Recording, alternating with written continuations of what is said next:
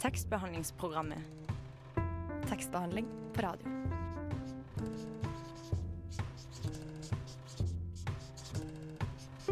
Tekstbehandlingsprogrammet.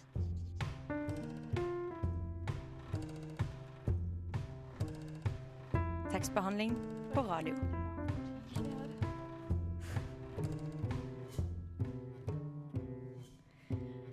Hei og velkommen til tekstbehandlingsprogrammet. Mitt navn er Anna Hvitt, og med meg har jeg deg, August Tekerø. Ja, hei, hei. Og i dag skal vi ha intet annet enn en hel sending viet til stedet som redder deg i dine dypeste daler og løfter deg enda høyere i lysere tider, nemlig biblioteket. Og i den anledningen så har vi faktisk klart å kapre sjefen over alle sjefer, nemlig biblioteksjefen for Deichman, Knut Skansen. Mm. Men først skal vi eh, prate litt, vi to. Ja, fordi vi? jeg lurer på om du har noe eh, nytt på litteraturfronten? Noe du har oppdaget, eller? Altså, det er ikke noe nytt, men jeg er endelig blitt ferdig med eh, 'Reisen til Vesten', som da er en gammel kinesisk klassiker fra 1400-tallet. Og den er så syk, eh, og det er bare å lese den med en gang. Det er dritbra. Spennende. Hva handler den om? Det, er altså, det starter med at den første kapitla handler om en historie om Sun Wukong, som er en ape født av stein. Av en stein. Så, ja, det er, nei, det er helt sykt. Det er bare, det er bare å lese det. Lese den, altså. Ja. Ja, jeg har faktisk også et lite tips. Eller det er bare sånn Hvis man er på biblioteket og bare ta seg en sånn siste runde før du skal ut, og bare trekke ut en bok, og så lese en setning, og så skal du leve dagen din etter den setningen. Aha. Og jeg er faktisk ikke Det er ikke noe overtroisk eh, over dette. Det er bare Jeg har troen på bøker. Og så går man jo ofte rundt med sånn litt sånn tvilen over et eller annet. Skal jeg gjøre det, eller skal jeg gjøre dette? Og så har du svaret i den setningen. Ja, skjønner. Er det et system der, eller? At du side, et sidetall du Nei, det er liksom skjebnen da som Mm. hvor du åpner eh, boka. Skjønner. Ja, men det funker. Ja, det funker. Ja. Ok, men uh, nå skal vi høre en låt, nemlig 'Joy' av Margrete.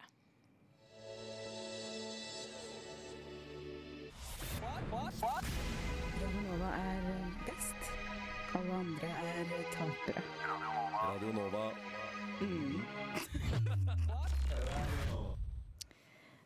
Der hørte du 'Joy' av Margrethe, og du hører på tekstbehandlingsprogrammet.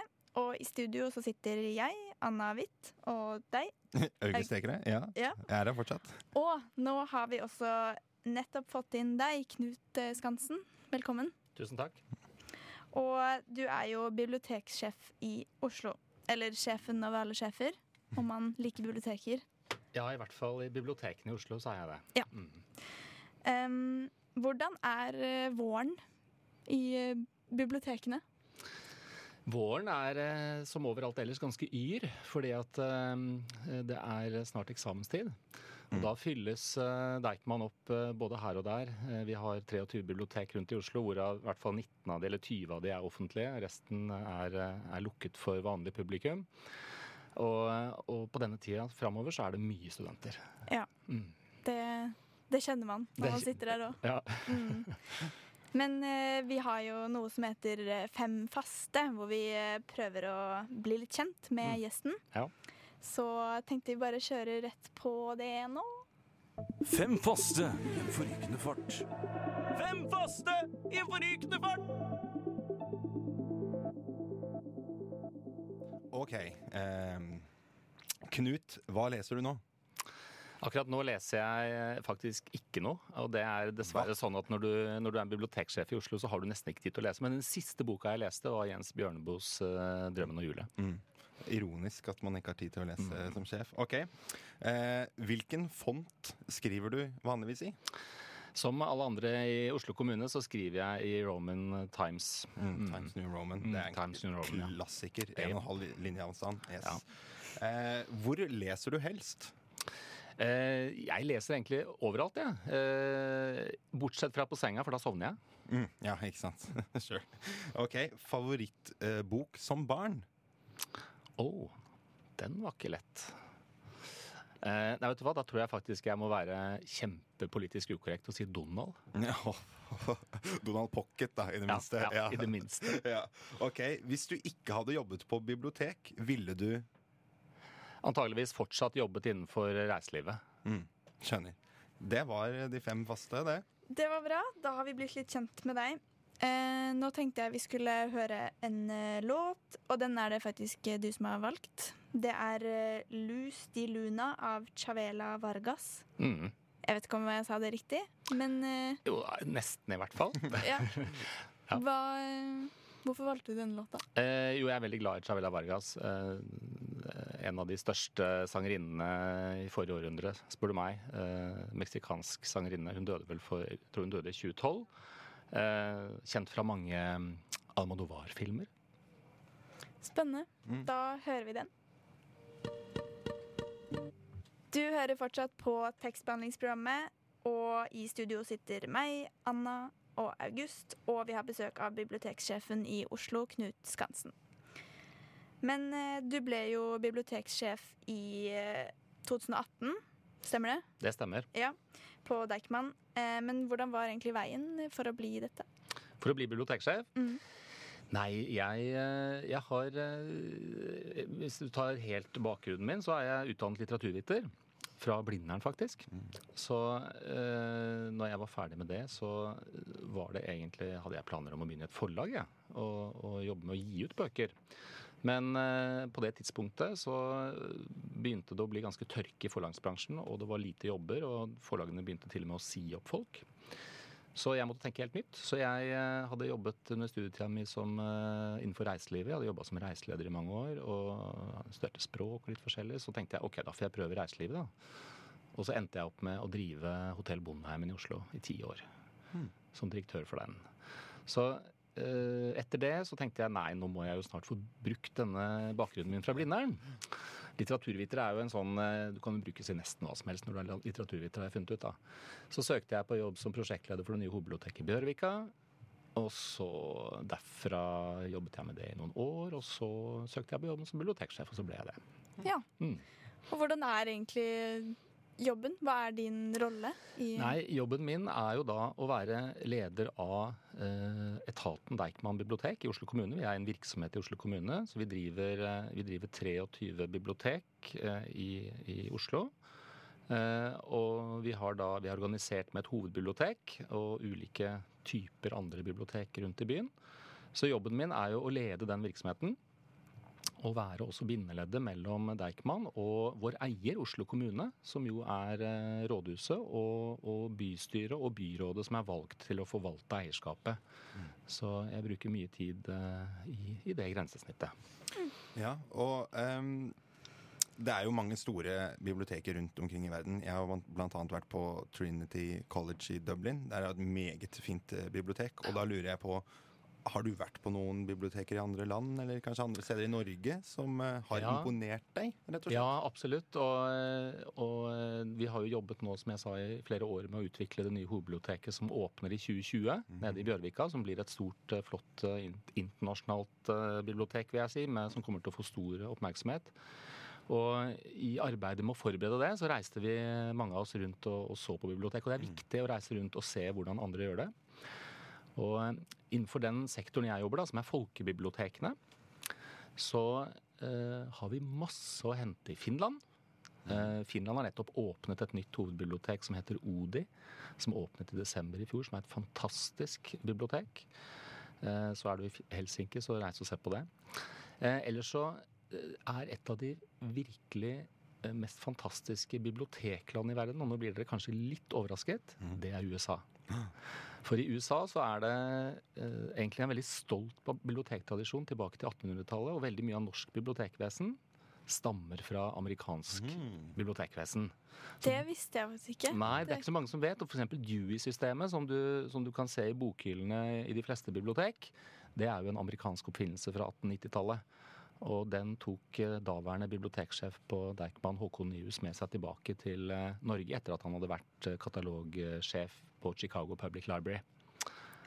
og han tok også med seg mange andre ting. Han tok med seg f.eks. ideen om hvordan man bygger bibliotek. Så hvis du er på Grünerløkka i i nær framtid, så stikk innom det nyoppussede Grünerløkka bibliotek, som er et klassisk amerikansk Carnegie-bibliotek. Bygget akkurat sånn som man bygget bibliotek i USA på forrige århundreskifte. Så en liten biblioteksturné er ikke så dumt, hvis man er litt interessert. Nei, jeg er jo litt sånn miljøskadd, eh, kan du si, så jeg stikker jo alltid innom biblioteket når jeg er et sted. Men, men Mm. eh, det er ofte en veldig fin måte å, å få et inntrykk av en by på. Fordi du treffer jo sjelden turister der. Eh, Du treffer lokalbefolkningen og ser litt hvordan hverdagslivet er i en, hverdagslivet er i en by. Mm. Treffer vanlige mennesker, så det anbefales. Men eh, for mange så er jo, står det jo bare noen bøker i hyllene, og man regner på en måte med at de bare er det man trenger der. Ja. Men hvordan er de Hvem er det som velger hvilke bøker som Ja. skal eh, stå der? Altså, eh, vi har jo noe i Norge som heter eh, bibliotekloven. Og den sier jo at alle norske kommuner eh, må holde seg med et folkebibliotek. Og det er jo fordi at eh, man har funnet ut, og det tror jeg vi skal være ganske glad for, det er at eh, lik fordeling av kunnskap og kultur, altså det å ha ti fri tilgang til det i et samfunn, er et vikt, en viktig forutsetning for et velfungerende demokrati. Så folkebibliotekene er på en måte hva vi kan kalle kulturelt og demokratisk grunnfjell i en by. Og eh, Derfor har man også bestemt at eh, biblioteksjefen eh, skal følge lovverkets intensjon i forhold til hvordan man velger ut innhold. Man sier at innholdet skal være relevant, av god kvalitet, og det skal være bredt. Og Det vil si at eh, ingen politikere eller eiere kan komme og fortelle oss hva som skal stå i bokhyllene. Det er ene og alene bibliotekets redaksjon som bestemmer det. På samme måte som i en avis så er det en redaktør som bestemmer hva som skal stå i avisen. Så vi eh, har eh, på Deichman eh, mange ansatte som jobber med som har veldig stor kunnskap om, om ulike fagområder. Som jobber med å kjøpe inn både norsk og internasjonal litteratur for nettopp å tilfredsstille kravet om bredde, kvalitet eh, i bokhyllene våre. Og aktualitet, sånn at det også er aktuelt. Altså Den klassiske kast, altså kasseringsvitsen er jo at uh, gamle soppbøker vil du helst ikke låne, så de kaster vi. Eh, for der står det ofte ting som er feil. Så, så, så det, er naturlig i et bibliotek å kaste mye bøker òg. Og det er en del av det å, å finne ut hele tiden hva er aktuelt. Og så vil jo f.eks. Nasjonalbiblioteket ha en helt annen rolle. De tar vare på gamle bøker, mens det er ikke vår oppgave. Da er det vel på samme måte at ingen andre kan komme og si hva dere skal kaste ut heller, da. Det er helt riktig. ja. Og Vi hadde jo et, eh, et tilfelle av det nå, som dere kanskje leste om eh, eller hørte om for et par uker siden, hvor, eh, hvor det var noen som antydet at vi kanskje burde kvitte oss med en plagiatbok. Det er sånt vi ikke er så veldig glad i, fordi um, det er vi som bestemmer hva som står i bokhyllene. Så hvis andre aktører prøver å fortelle oss det, så våkner vi veldig fort og, og blir ganske morske. Bra. Da har vi enda en sang som eh, du har valgt, og det er eh, Bach med første largetto. Mm. Og så er det en artist som jeg ikke har fått med meg hva heter. Nei, det husker ikke jeg heller. Det er ikke så riktig. Eh, men det er i hvert fall en fagott. Mm. Hvorfor har du valgt denne? Jeg syns den er veldig nydelig. Et vakkert stykke musikk. Da hører vi.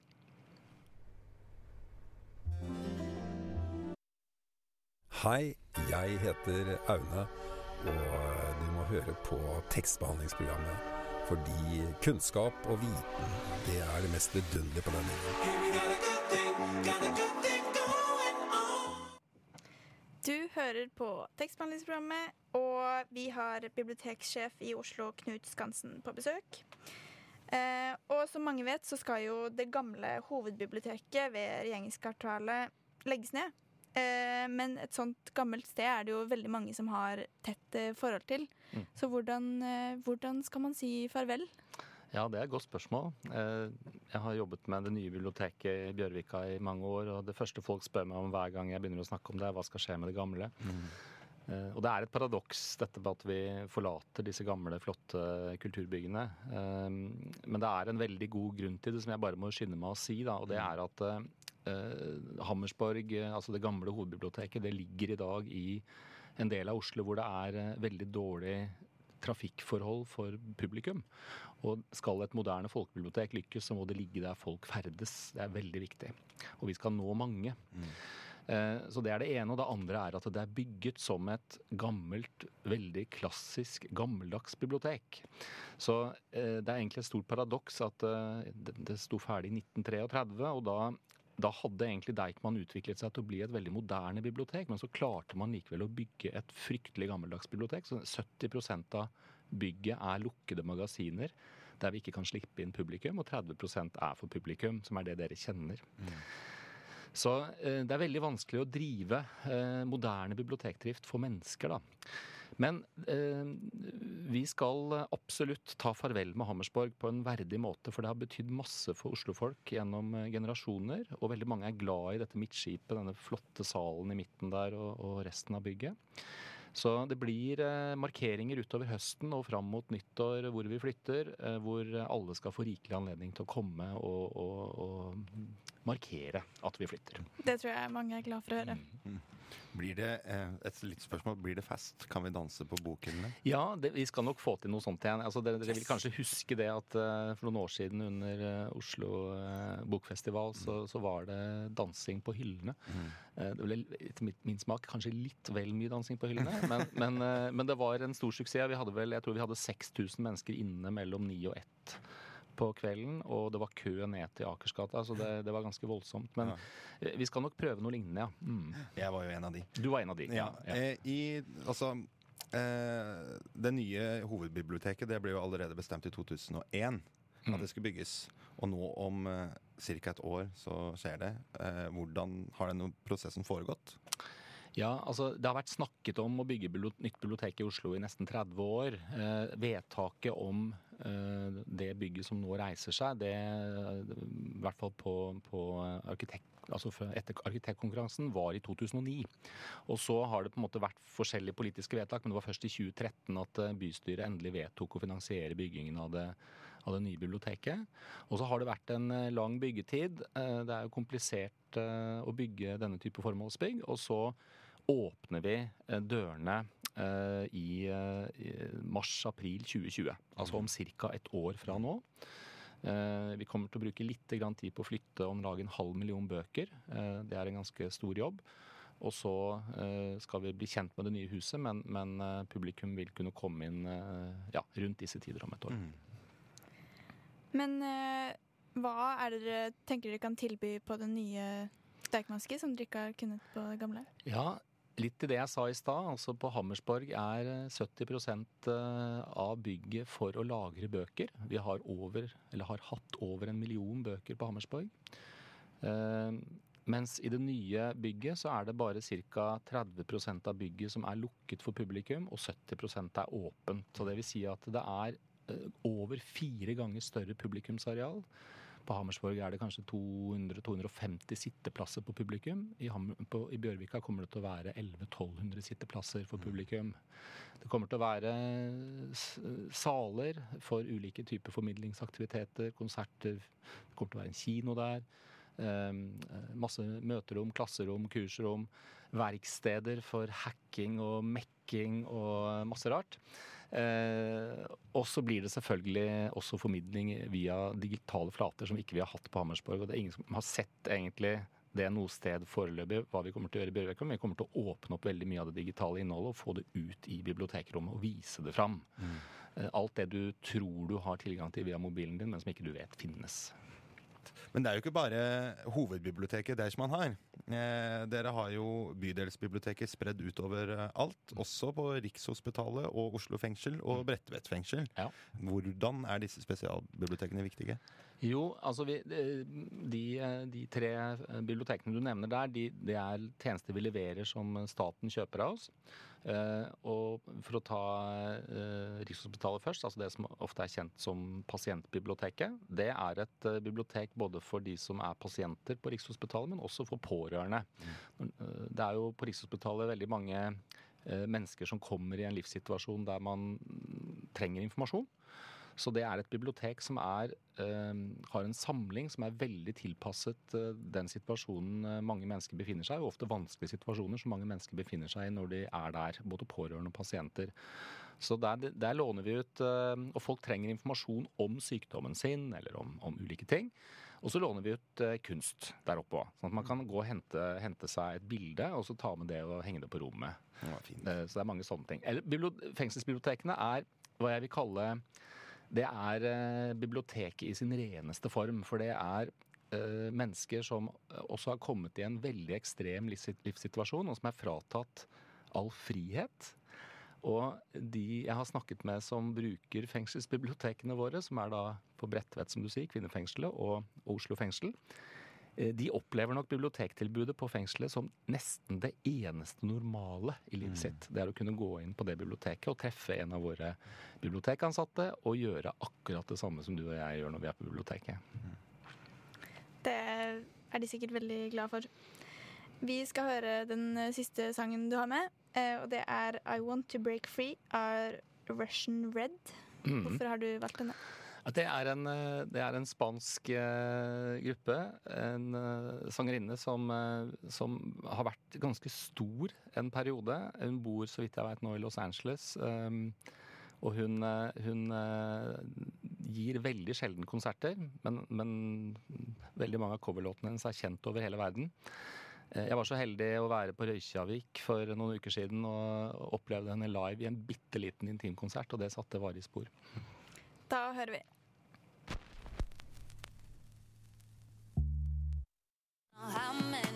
Jeg har eh, to lidenskaper her i livet.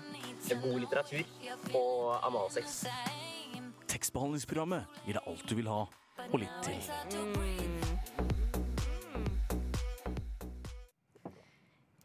Og du hørte I Want To Break Free av Russian Red i stad, eh, og vi har Knut Skansen på besøk. Eh, Og jeg lurte på om du hadde hatt alle midler og muligheter til å bygge ditt drømmebibliotek. Mm. Hvordan ville det sett ut? Ja, eh, jeg tror det at jeg nesten da skal si det at vi bygger nå drømmebiblioteket i Oslo. Fordi Oslo kommune har satset tungt på bibliotek de siste årene. Eh, først og fremst ute i lokalbibliotekene, hvor det har vært oppgraderinger nå. Eh, vi åpnet Grünerløkka, gjenåpnet Grünerløkka på lørdag i ny drakt. Stovner bibliotek, som jeg anbefaler alle å stikke ut og se på. Det er blitt kanskje det flotteste biblioteket i Oslo. Um, Furuset, Fubiak på Furuset, uh, Oppsal, Røa, jeg kunne nevnt mange. Som er blitt veldig flotte bibliotek. Uh, men Bjørvika er mye større. Og Oslo kommune har valgt virkelig å, å ta utfordringene for bibliotekene på alvor og snu folks forståelse av hva biblioteket er, ved å investere veldig mye i det bygget. Så jeg kan nesten ikke tenke meg et bibliotek som er mer drømmebibliotek enn det folk kommer til å møte om eh, et knapt år når vi åpner i Bjørvika. Så det blir hengekøyer i takene og bare Eh, det blir Helt- noe som ligner på det òg, faktisk. oi, oi. Eh, Det er glad. min tror, jeg tror faktisk eh, veldig mange mennesker kommer til å, å eh, ville tilbringe veldig mye tid der. Mm. Så bra. Og når vi er på det, du sier jo at nå får vi jo Nå blir det oppgradering rundt i hele i byen, eh, og det blir fine nye eh, bibliotek. Men har du en kort oppfordring om hvorfor man skal bruke bibliotekene? Ja, det er ganske enkelt, fordi at bruker du biblioteket, så blir du smartere. Mm. Og blir du smartere og klokere, så tror jeg faktisk du tar bedre valg. Og eh, du blir antageligvis et bedre medmenneske. Og du er med og lager en bedre by, og du forstår bedre omgivelsene dine og, blir kanskje litt mer tolerant og litt mer raus. Og så treffer du masse mennesker. Mm. og Du blir mindre ensom. Og summen av alt dette er jo rett og slett at Oslo blir mye bedre å bo i for alle og for deg selv. Og så er det jo faktisk ikke bare bøker man kan låne på biblioteket. Dere tilbyr jo masse andre ting. Ja da, du kan, eh, du kan jo låne et rom. Eh, Du kan låne et møterom, du kan låne datamaskiner, du kan låne verktøy. Du kan, I Bjørvika kan du låne plottere, du kan låne 3D-printere, du kan låne mye rart. Eh, Du kan bruke verkstedene våre. Du kan eh, låne verktøy enkelte steder. Eh, På Torshov eller Sandaker kan du også låne frø. Og så kan du ta med deg de hjem og plante tomater, men du må love å komme tilbake og levere er fint. frøene fra tomatene, sånn at noen kan låne det etterpå. Å, det er bra. Ja. Um, ja, og så sånn helt sånn på tampen her, da, tenker jeg. Um, eh, altså, har du noen sånne bibliotekshemmeligheter fra gamle Deichman for alle oss eh, biblioteksglade? Sånn hemmelige nazitunneler, eller nei, det Ja, eller jo, faktisk Ja. så har jeg jo det, da. Eh, fordi at eh, Deichman, på Deichman under andre verdenskrig, så eh, var det Det var faktisk ganske dramatisk, fordi okkupasjonsmakten de var veldig opptatt av hvilke bøker man hadde.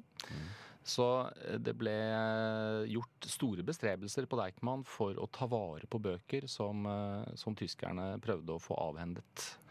Um, så det er nå én ting, men det ble også gjort ganske store bestrebelser på å skjule jøder nede i magasinene på Deichman. Så, så det var mye dramatikk på den tiden, også på Deichman. Jeg tipper det er noe sånn bok man kan trykke inn også, så dukker det opp eh, et rom som Ja. dere ikke forteller. Jo, det fins et Det fins et eh, én ting som ikke så mange vet, og det er at eh, og som kommer til å bli mye mer synlig i Bjørvika, det er at altså Deichman er jo 234 år gammel. Vi er grunnlagt i 1785, eh, basert på en testamentarisk gave fra Carl Deichman til Kristiania by. Så siden det så har biblioteket vært i full eller offentlig drift hele veien. Men selvfølgelig, det var ikke et folkebibliotek til å begynne med. Men samlingen til Carl Deichman på 6000 bind, den fins fortsatt på Deichman. Og i den samlingen så fins det veldig mye verdifulle bøker fra eh, 15-, 16- og 1700-tallet. Førsteutgaver av de store, mange av de store europeiske eh, forfatterne. Vitenskapelig litteratur og mye rart. Eh, men det fins også Norges første håndskrevne bibel fra 1200-tallet, som ble skrevet i Paris rundt 1250. Håndskrevet, og som var bestilt av Aslak Bolt, som var biskop i Norge på den tiden. Og eh, den har vi fortsatt, og den kommer vi til å vise fram i Bjørvika. så kult. Så alt dette blir altså litt mer tilgjengelig Ja. neste år. Eh, vi har dessverre gått eh, tom for tid, men eh, vi er veldig glade for at du vil komme. Knut Skansen. Tusen takk. Mm. Eh, nå skal vi høre et innslag av Stine Bjelkavik Hansen, som har gitt en omtale av boken 'Jeg vet hva du vil' av Kristen Rupenian. Christine Urpenian er nok mest kjent for å stå bak novella 'Cat Person', som på norsk heter 'Kattemenneske', og gikk viralt via The New Yorker i slutten av 2017. 'Cat Person' handler om den 20 år gamle Margot som møter 14 år eldre Robbie mens hun er på jobb. De flørter litt før de utveksler telefonnummer og holder kontakten over melding. Når de så ender opp med å date, eh, så ender det med at de har sex som er ganske klein, og som Margot aller helst vil slippe, men som hun ikke helt vet hvordan hun skal eh, klare å unngå. Når hun dumper han, så tar han ikke nei for et nei. Og novella avsluttes med at han sender henne masse meldinger, og til slutt kaller hun for hore. I kjølvannet av denne suksessen så fikk Rupenian penger for å skrive i novellesamling. Den har nå kommet til norsk, oversatt av Hilde Lyng, og har fått navnet Du vet at du vil. Kattemennesket fikk ros for realismen og aspektet med maktbalanse, ubehag, kleinhet og kløning i metoo. Derfor er det litt ironisk at mesteparten av de tolv novellene i debutboka til Rupenian tilhører skrekksjangeren, og derfor er prega overnaturlige elementer. Sjøl foretrekker jeg historiene uten monster, gugge og grusomme hendelser, men jeg gjør et unntak for noveller som heter Arre. Jeg fant boka skjøvet bakom ei hylle på biblioteket. Egentlig var det knapt noe bok i det hele tatt. Ikke noe omslag, bare ei bunke sammenstifta kopierte sider. Ikke plass til kort bakerst, eller sånn liten skannestripe heller. Jeg rulla den sammen, sakten i lomma og gikk rett forbi bibliotekaren. Da jeg kom hjem, åpna den på første sida og gjorde nøyaktig som jeg ble instruert. Jeg tegna en krittsirkel på gulvet i kjelleren min. Knuste sammen basilikum og bjørnebær fra skapet, som om jeg blanda en fancy sommercocktail. Så tilsatte jeg en brent hårlokk med en fersk bloddråpe, henta ut med en nål fra tommelfingertuppen. Ikke fordi jeg trodde det kom til å gi meg det hjertet begjærte. Jeg visste ikke engang sikkert om det fantes noe sånt. Men fordi jeg har lest nok bøker i mitt liv til å vite at når man finner ei samling trylleformularer skjult bakom hylla på lokalbiblioteket, så må man prøve minst én. Til min skuffelse, men ikke overraskelse, så skjedde ingenting. Jeg bladde gjennom resten av boka, nysgjerrig på hva annet kunne ha mant fram. Rikdom, skjønnhet, makt, kjærlighet. Alt virka litt overflødig. Minst noen av disse måtte være dekka av kategorien hjertets begjær. Oppriktig talt var hele konseptet litt vel New Age-aktig for meg. Jeg reiste meg for å gå. Hvis jeg skyndte meg, kunne jeg fortsatt vekke happy hour på baren. Tanken på sommercocktails hadde gjort meg tørst, og kjelleren stinka av brent hår. Han var ikke der, og så var han det. Knærne var skrapt blodig mot betongen. Fingrene spredd som om han hadde falt. Hodet var bøyd, han skalv som en hund som nettopp hadde bada, naken. Jeg lo nesten. Det var den delen av meg som først begynte å virke igjen, den delen som tenkte. En naken mann, for en bokstavelig definisjon av begjær. Resten av meg fulgte etter. Styrta kvinende opp kjellertrappa, snubla og falt mot døra.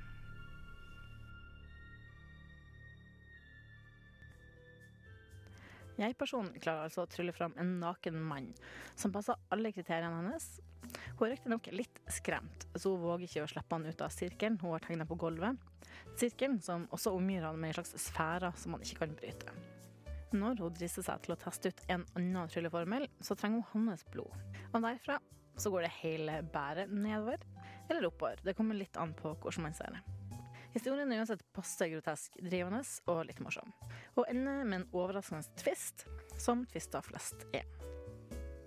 Gjennom boka så er det mulig å skimte en feministisk rød tråd, men den er tidvis meget tynn. Vi serveres alt fra eventyrprinsesse som forelsker seg i sitt eget speilbilde, til en mannlig lærer og bistandsarbeider som utsettes for en rekkepek fra de uoppdragne elevene sine, og ender opp løpende halvnaken rundt på den kenyanske landsbygda på flukt fra noen eller noe som har bæsja på trappa hans. Vi blir kjent med en Casanova som virkelig får kjenne følgene av å knuse hjerter på kroppen. Et par som involverer en kamerat i sexlivet sitt og ikke klarer å gi seg mens leken er god. Vi får også møte ei Tinder-jente som vil ha juling i dusjen, og så videre. Jeg klarer ikke helt å bestemme meg for hva jeg syns om boka, men Rupennen lykkes i å formidle ubehag det hun virkelig ha.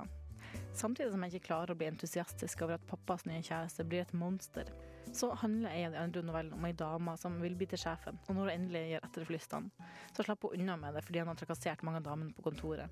Det er altså mye godt å blande i Jeg vet at du vil, og Jeg vet at du vil ha en bonus fun fact. I novella som heter En hyggelig fyr, blir en av karakterene konfrontert med at det gikk et rykte om at hun pleide å onanere med en My Little Pony-leke. Så nå slipper du å lure på hvor Gunnhild Lovlegg fikk ideen sin fra.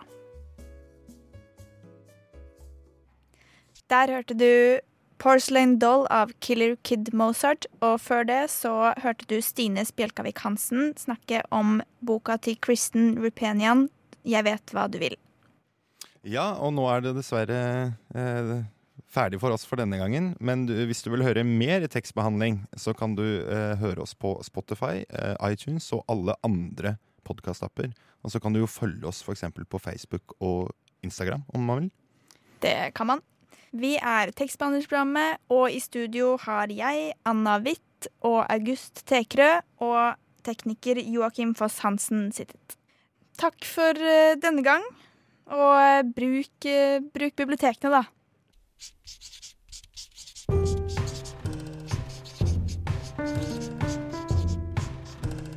Tekstbehandlingsprogrammet. Tekstbehandling på radio.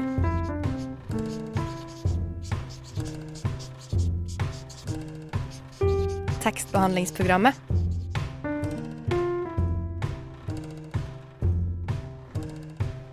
Tekstbehandling på radio.